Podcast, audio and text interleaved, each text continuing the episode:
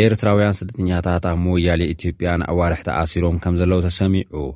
ኤርትራውያን ስደተኛታት ንልዕሊ ክልተ ወርሒ ኣብ ከተማ ሞያሌ ኢትዮጵያ ተኣሲሮም ከምዘለዉ ቢቢሲ ትግርኛ ረኺቡዮ ዝበሎ ሓበሬታ መስኪሩ'ሎ።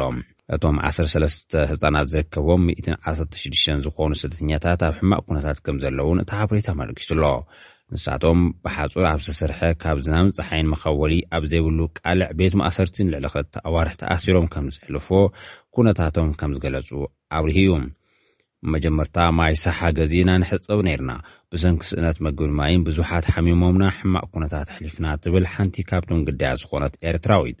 ኣብዚ እዋን ብዙሓት ኣብ ኢትዮጵያ ዝጸንሑ ይኹን ካብ ኲናት ሓድሕድ ሱዳን ዝሃደሙ ኤርትራውያን ብኢትዮጵያ ኣቢሎም ናብ ኬንያን ዩጋንዳን ብበዝሒ ይሰግሩ ከምዘለዉ'ዩ ዝንገር። እቶም መብዛሕቲኦም ኣብ ሱዳን ዝነበሩ ኤርትራውያን ኣብቲ ቤት ማእሰርቲ ዓሶ፣ ሕማም ርእሲ ከምኡ'ውን ብፍላይ ደቂ ኣንስትዮ ብረኽሲ ማህጸን ዝኣመሰሉ ሕማማት ደቂ ኣንስትዮ ይሳቐያ ከም ዘለዋ እቲ ሓበሬታ ኣመልኪቱ ኣሎ።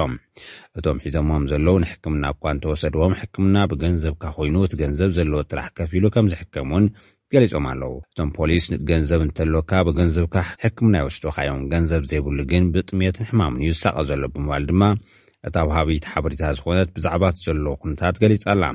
እቶም ኣሲሮሞም ዝነበሩ ገንዘብ ክእክቡ ንኣካላት መንግስቲ ከይነግሩ ንወርሒ ሒዞሞም ከም ዝጸንሑ እውን እቶም ስደተኛታት ገሊጾም ኣለዉ።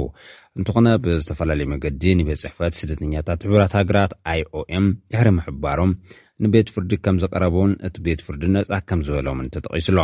ፖሊስ ግን ፍርዲ ተቐቢሉ ነጻ ከም ዘይሰደዶም ካብኦም ገንዘብ ከም ዝደልዩ ይሕብሩ።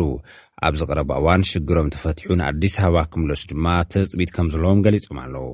ካብ ፖሊስ እቲ ከባቢ ምላሽ ንምርካብ ዝተገብረ ጻዕሪ እውን ኣይሰለጠን ተባሂሉ'ሎ።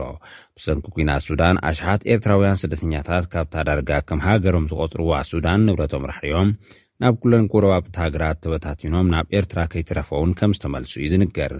እዞም ኤርትራውያን ኣብ ኢትዮጵያ ካብ ኢትዮጵያ ነቒሎም ናብ ዩጋንዳን ኬንያን ክሰግሩ ዝገብርዎ ጉዕዞ ብዙሕ ዝተፈላለየ ጸገማት ከም ዝገጥሞም ክቃላሕ ጸኒሑ'ዩ። ኣብ ዝሓለፈ ወርሒ ሓሙሽተ ኤርትራውያን ኣብ ጉዕዞ ኣብ ዝነበርሉ እዋን ኣብ ኬንያ ኣብ ዝርከብ ቀላይ ቱርካና ሞይቶም ከም ዝተረኸቡ ክንገር ጸኒሑ እዩ። እቲ ሓደጋ ዓሰርተ ሸውዓተ ታሕሳስ ክልተ ሽሕን ዕስራን ሰለስተን ለይቲ ከም ዘጋጠመን ምስቲ ሓደጋ ኣብ ዝተተሓሓዘ ዝኾነ ሰብ ኣብ ትሕቲ ቀይዲ ክኣቱ ከም ዘይከኣለ እዩ ዝንገር።